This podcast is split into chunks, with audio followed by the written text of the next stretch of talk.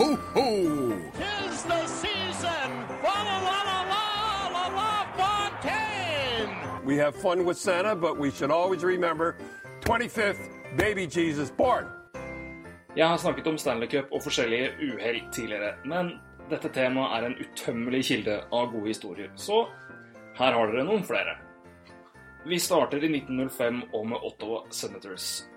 Ja, det var faktisk et lag som het det da òg. Og de vant cupen i helt korrekt 1905.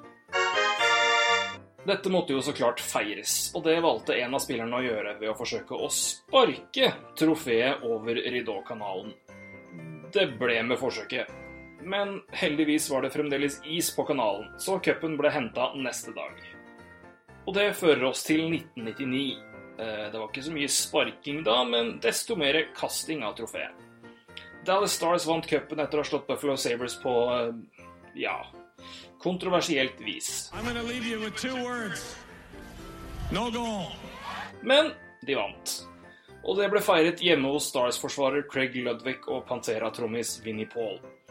Der bestemte Guy Carbono seg for å kopiere feiringen han hadde da han vant cupen med Montreal i 1993. Han skulle kaste Stanley Cup-trofeet i et basseng. Men i 1999 valgte han å gjøre det fra en balkong i andre etasje. Og kastet var ikke all verden. Trofeet traff kanten på bassenget, noe som førte til at det ble en stor bulk i Stanley Cup. Oh no! I ettertid har man hevda at bulken kom da en spiller mista trofeet i garderoben etter kampen, og at Carbonneau aldri kasta trofeet.